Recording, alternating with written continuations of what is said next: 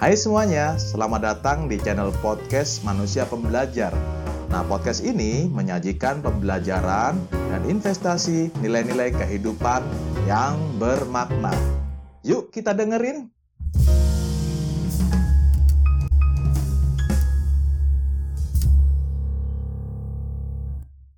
Halo guys, apa kabar hari ini? Semoga lu sehat ya guys.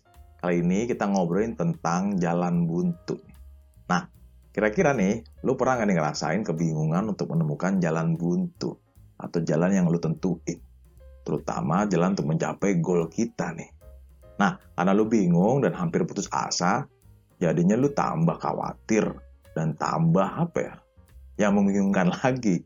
Dan untuk terutama untuk menemukan jalan keluarnya lagi nih guys sampai-sampai saking bingungnya lu juga nggak bisa makan dan lu bahkan lu nggak bisa sampai tidur dengan nyenyak bahkan kali-kali kepala lu bisa pusing mikirin jalan keluar yang tepat seperti apa nah bener nih guys nah gue menyapa teman-teman yang mungkin merasakan hal yang sama merasakan keprihatinan yang mungkin lu alami juga nih nah Gue mau sharing pengalaman yang di mana nggak jauh-jauh dari seputar jalan buntu. Gue juga mau cerita tentang proses pembuatan skripsi gue nih. Kali aja bisa menjadi inspirasi. Nah, karena mata kuliah gue udah selesai, jadi seperti anak mahasiswa lainnya, gue tuh membuat skripsi nih guys. Karena gue kuliah di bidang IT, jadi tentunya buat skripsi tentang IT juga. Ya iyalah Gung, emang lu buat skripsi seputar di bidang tata boga. Ya pastinya di bidang IT lah ya. Oke, okay, nah pada awalnya membuat skripsi itu, terutama di bab 1, itu gue merasa gampang dan lancar.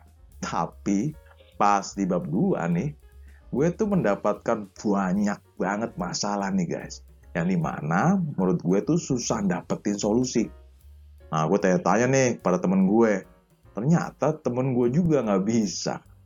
Gue khawatir juga nih. Ya gimana caranya tuh mendapatkan solusi nih. Nah akhirnya gue tuh ada ide untuk tanya ke dosen pembimbing gue. Yang di mana menurut gue tuh dosen profilnya keren banget nih. Bagi gue adalah dosen itu pinter. Karena dia tidak hanya jadi dosen, tetapi dia sebagai kepala laboratorium di kampus gue nih. Nah, sehingga ya menurut gue sih kurang pinter gimana pasti cerdas lah guys ya nggak nah gue tuh bener-bener mengandalkan dosen gue nih tetapi sayang punya disayang nih guys. Ternyata dosen itu belum bisa jawab solusi yang gue harapkan. Gue ya tambah khawatir bingung lagi. Nah kira-kira nyampe nggak nih skripsi gue? Nah pada saat lagi bingung-bingung, gue sempet baca majalah IT dan gue baca artikel yang berhubungan dengan skripsi gue nih. Terus gue lihat nih siapa yang nulis artikel itu. Nah, saking apa ya, saking ngebetnya atau saking pengen tahu solusinya, jadi gue kejar itu penulis artikel itu ke kantor redaksinya. Nah, kebetulan tuh dia wartawan di bidang IT dan dia tuh sering membuat juga buku-buku seputar di bidang IT nih guys. Ya, menurut gue sih memang orang ini hebat nih guys. Sehingga gue berharap ada jawaban dari beliau. Nah, namun punya sayang disayang lagi nih.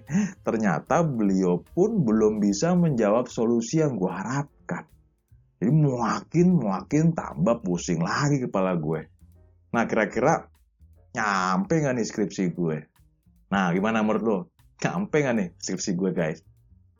Nah sampai gue minta tapi gimana ya saking gue bingungnya akhirnya gue minta sama Tuhan terutama minta petunjuk nih gimana kira-kira jalan yang terbaik untuk menyelesaikan skripsi gue habis siapa lagi coba kalau nggak gue minta tolong sama Tuhan nah setelah berdoa dan minta tolong sama Tuhan nih nah gue putuskan untuk break dulu dah jadi biar hati gue lebih tenang dan hati gue itu lebih enteng cara nanganinya adalah gue pergi nginep ke rumah temen kampus gue.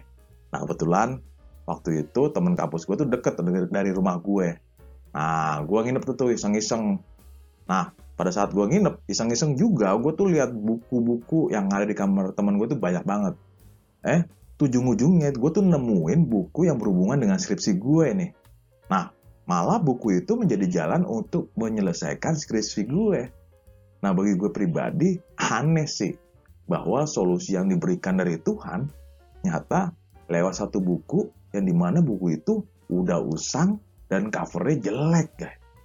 Dan akhirnya gue menyelesaikan skripsi itu gara-gara buku itu. Dan akhirnya gue juga lulus dari kuliah gue.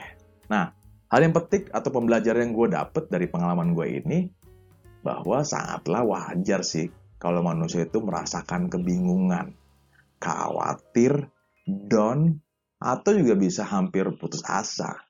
Nah, tinggal apakah kita konsisten untuk melakukan komunikasi atau berkonsultasi untuk mendapatkan ketenangan hati yang penting juga selain dari hati juga guys adalah mendapatkan energi positif dari pihak lain. Nah, pertanyaannya dari siapa nih yang memberikan energi positif kepada kita? Nah, menurut gue sih, yaitu pertama nih, yaitu Tuhan. Tuhan yang maha baik.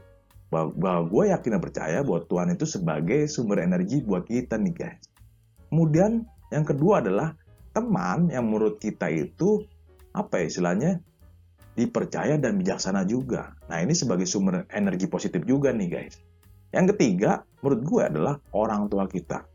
Karena apa? Karena orang tua kita juga pasti mengenal kita dan akan memberikan energi positif juga. Walaupun mungkin nggak jago skripsi, tapi minimum mereka bisa menjadi inspirasi buat kita. Nah, tiga pihak yang penting ini yang paling penting untuk mendapatkan ketenangan dan energi positif nih. Nah, itu dari pendapat gue. Jadi pertanyaan reflektif buat kita nih guys. Nah, jika lo merasa belum mendapatkan jalan keluar dalam hidup lo, apakah lo sudah melakukan konsultasi dan komunikasi kepada yang pertama sang pencipta, yang kedua dari orang tua lo, yang ketiga dari teman yang dipercaya dan bijaksana. Nah, silahkan dijawab ya guys untuk pertanyaan yang gue ajukan tadi. Nah, demikian renungan buat lu dan gue pada hari ini. Semoga bermanfaat. Salam Growth Mindset Indonesia. Leadership is fun.